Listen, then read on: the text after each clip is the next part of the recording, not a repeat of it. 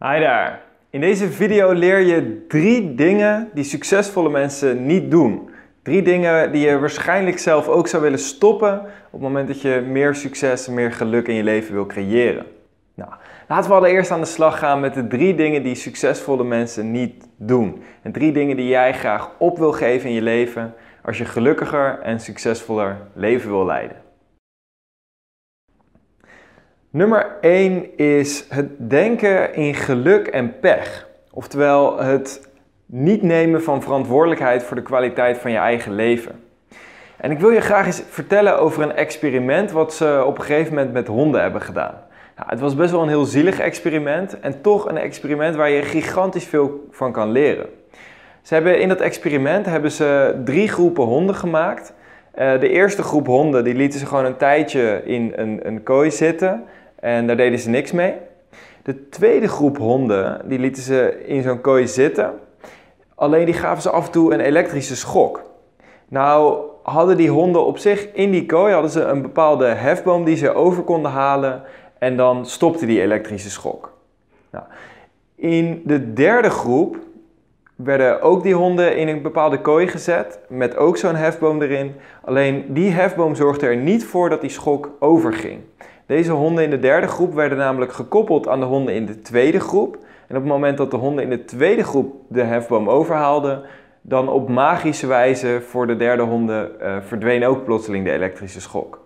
Nou, wat bleek nou? Daarna hebben ze de drie groepen honden in een andere nieuwe kooi gestopt, waar ze ook elektrische schokken kregen. En in deze nieuwe kooi konden de honden ontsnappen door over een heuveltje te springen en naar een ander deel van de kooi te gaan.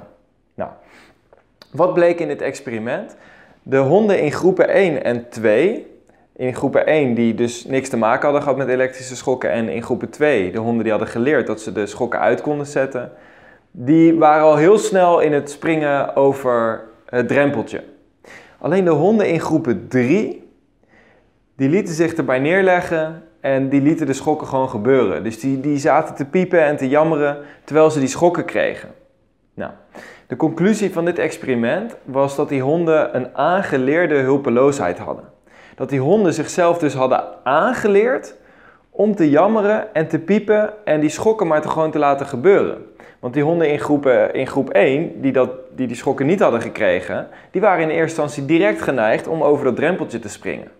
Alleen op het moment dat je een bepaalde situatie in je leven meemaakt en voor je gevoel ligt dat helemaal buiten je controle, voor je gevoel kan je daar niks aan doen. En dat kan soms best wel iets heftigs zijn, zoals bijvoorbeeld een bepaalde ziekte, waar je het gevoel hebt dat je er geen grip op hebt. Dan kan het zo zijn dat je daardoor een bepaalde geleerde hulpeloosheid ontwikkelt. Dat je jezelf een manier van denken aanleert dat het leven bestaat uit geluk hebben en pech hebben. En natuurlijk, in sommige gevallen is dat zo. Op het moment dat je ziek wordt, kan je daar niet per se iets aan doen. Alleen als je dit vervolgens generaliseert naar de rest van je leven, dan is dat zonde. Want dan krijg je dus een, geleerde, uh, een aangeleerde hulpeloosheid. En dat betekent dus dat je net zoals die hond, op het moment dat jij een elektrische schok metaforisch zou krijgen, dat je dus gaat liggen jammeren en piepen. En dat je dus geen actie meer onderneemt om daar onderuit te komen. Dus als je ergens herkent in je leven dat je een bepaalde aangeleerde hulpeloosheid hebt, dat je bepaalde dingen ooit hebt geprobeerd die keer op keer niet zijn gelukt. Waardoor je op een gegeven moment het beltje erbij neer hebt gelegd en hebt gedacht, weet je, dit is niet voor mij weggelegd. Dit is nou echt zoiets waarbij je geluk moet hebben of pech moet hebben. Denk aan dingen zoals afvallen. Keer op keer proberen af te vallen, maar keer op keer lukt het niet. Laat maar. Denk aan dingen zoals goed uh, lekker kunnen slapen. Je goede nachtrust kunnen hebben. Keer op keer dat hebben geprobeerd en keer op keer op een gegeven moment is het mislukt. En denken, nou, laat maar. Dit is niet voor mij weggelegd. Of denk aan je eigen bedrijf beginnen, bijvoorbeeld. Of een goede relatie oprichten. Uh, een goede relatie starten. dat zijn allemaal dingen die mensen soms wel eens heel vaak hebben geprobeerd. Heel vaak is het niet gelukt. En dan hebben ze een bepaalde aangeleerde hulpeloosheid waarbij ze zeggen, nou weet je, ik geef het op. Laat maar. Dit is gewoon iets waarvoor je geluk moet hebben en het is dus niet voor mij weggelegd. Zonde, want dan ben je dus net zoals die hond die gaat liggen piepen en die continu elektrische schokken krijgt en die zoiets heeft, nou, ik kan er niks aan doen. Ik ga niet meer over dat heuveltje heen springen. Nou, je kan je wel voorstellen hoe sterk dat de kwaliteit van je leven zou kunnen verminderen. Dat was nummer 1. Nummer twee is angst als een beperking zien. De meeste mensen hebben het idee dat op het moment dat ze ergens bang voor zijn, dat dat een valide reden is om iets niet te doen. Dus hè, als je bang bent om eh, presentaties te geven, dan zullen de meeste mensen geen presentaties geven. Als je bang bent om zomaar nieuwe mensen op te bellen, zullen de meeste mensen niet zomaar nieuwe mensen opbellen. Nou, dat geldt zo voor praktisch alles in het leven. Op het moment dat je ergens bang voor bent, is dat een goede reden om het juist niet te doen. Nou, het bijzondere is dat de meest succesvolle mensen zijn praktisch altijd mensen die aangeven dat op het moment dat ze ergens bang voor zijn, dat ze dat dan zien als een goede reden om het te doen. Dat ze zich als het ware laten sturen door hun angst, als een soort wijze raadgever van dingen die ze juist wel zouden moeten doen. Omdat ze weten dat hoe meer ik dingen doe waar ik bang voor ben, hoe meer ik zal groeien en hoe meer ik mezelf zal ontwikkelen als persoon. Nou, als voorbeeld, ik wist vier jaar geleden dat het voor mij goed zou zijn om te presenteren. Ik wilde graag spreker worden. Ik vond het tegelijkertijd natuurlijk ook wel spannend. En ik kan me herinneren dat ik toen een keer door een vriendin van mij werd gevraagd om een speech te geven voor een groep managers bij TomTom. Tom. Nou, moet je je voorstellen, was een groep van een stuk of 60 managers bij TomTom. Tom.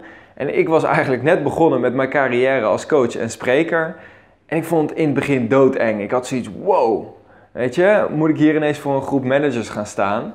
Terwijl ik pas net ben begonnen met coachen en spreken. Maar ik had tegelijkertijd, ik wist van hey, alle succesvolle mensen die ik heb gezien en die ik heb ontmoet in mijn leven, die doen juist de dingen waar ze bang voor zijn. Die laten juist die angst als een soort van begeleiding zijn om die dingen juist wel te doen. Dus ik wist van oké, weet je, als ik hier goed in wil worden, dan moet ik dit gewoon doen. En hoewel het spannend was, uiteindelijk op het moment dat je aan zoiets begint, dan merk je dat die spanning plotseling wegvalt. Je kan op twee manieren die angst op een gegeven moment weg laten vallen. Eén is door het voor de rest van je leven te vermijden en het nooit te doen. Nou, dan voel je ook die angst niet. Alleen dan tegelijkertijd voel je ook al die benefits niet.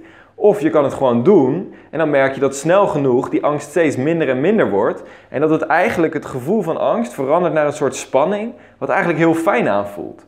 En op het moment dat ik nu een speech geef, van tevoren weet ik ook, van, ja, voel ik ook een bepaalde nervositeit in mijn lichaam. Alleen daar geniet ik juist van dan weet ik juist van wauw, weet je, ik sta op het punt om iets gaafs te doen en dit is belangrijk voor mij. Dus dan verandert die betekenis van die spanning, die verandert volledig voor je. Nou, dat was nummer twee. En tenslotte nummer drie, het derde en laatste ding wat succesvolle mensen nooit doen, is als iets belangrijk voor ze is, als ze iets graag willen, om het dan uit te stellen tot morgen. Natuurlijk kun je dingen uitstellen tot morgen als je vandaag iets belangrijkers te doen hebt. Alleen op het moment dat iets echt belangrijk voor je is, op het moment dat je zoiets hebt van hé, hey, hier zou ik graag mee willen beginnen, dit is mijn droom, dan zullen succesvolle mensen altijd zeggen ik begin er vandaag mee. Nou, een mooi voorbeeld daarvan wat ik vaak zie in mijn leven is mensen die graag een eigen bedrijf willen beginnen. En als dat echt hoog staat voor mensen op de prioriteitenlijst, als mensen echt zoiets hebben van ik zou zo graag zou ik mijn eigen bedrijf beginnen. En als ik, als, als ik mensen vraag van wat is nou je ideale situatie over 20 jaar? Dan zeggen ze, nou dan heb ik mijn eigen bedrijf en dan doe ik dit en dan doe ik dat. En dan is dat dus echt een van de topprioriteiten. En dan zeg ik, nou wanneer begin je ermee? Dan zeggen ze, nou ik, ik denk over een half jaar of over een jaar of, of soms zeggen ze zelfs ja over vijf jaar. Dan wil ik je één kritische vraag stellen. Waarom denk je dat jouw situatie over vijf jaar anders is dan nu? Dan zeggen mensen, ja, nou ja, omdat ik dan meer vaardigheden heb, of omdat ik dan meer geld heb, of omdat ik dan uh, minder tijd nodig heb voor andere dingen, omdat ik dan meer, dus vrije, meer vrije tijd heb. En dan geven ze allerlei redenen dat ze dan kunnen beginnen. Alleen ik kan je vertellen, het is net zo makkelijk om nu te beginnen. Want het perfecte moment, dat ga je nooit vinden. Over vijf jaar, dan heb je niet meer die drukke dingen die je nu hebt. Dan hoef je niet meer je studie af te ronden. Alleen dan heb je plotseling een vaste baan. En dan ontdek je dat je nu met je studie misschien 20, 30 uur per week bezig bent. En dan lijkt het alsof je het nu te druk hebt. En dan heb je straks die vaste baan. En dan ontdek je dat je daar ineens 40, 50 uur per week bezig bent. Dus dan ontdek je ineens dat je het alleen maar drukker gekregen hebt. En dan wordt het alleen maar lastiger. En dat is eigenlijk de beste manier die ik gevonden heb om mezelf aan te zetten om dingen nu te doen ieder moment dat ik denk van ja, ik heb het nu druk. Ik heb het nu eigenlijk te druk om dit te doen. Dan denk ik van wauw, maar wacht eens even. Over een jaar heb ik het nog drukker.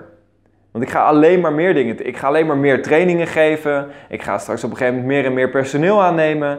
Ik ga straks op een gegeven moment meer mensen hebben die mij bellen, meer e-mails krijgen, meer reacties krijgen. Dus ik ga het alleen maar drukker krijgen. Dus ik krijg alleen maar minder en minder tijd om die dingen te doen die ik echt wil. Dus dan weet ik van hé, hey, als ik het wil doen, doe het dan nu. En maak er dan ook echt de tijd voor om die dingen gedaan te krijgen. Nou, dat waren de drie dingen die ik je wil meegeven. Drie dingen die succesvolle mensen niet doen. En drie dingen waar je dus zelf echt direct mee wil stoppen. Ik wens jou een fantastische dag en we spreken elkaar de volgende keer weer. Ciao!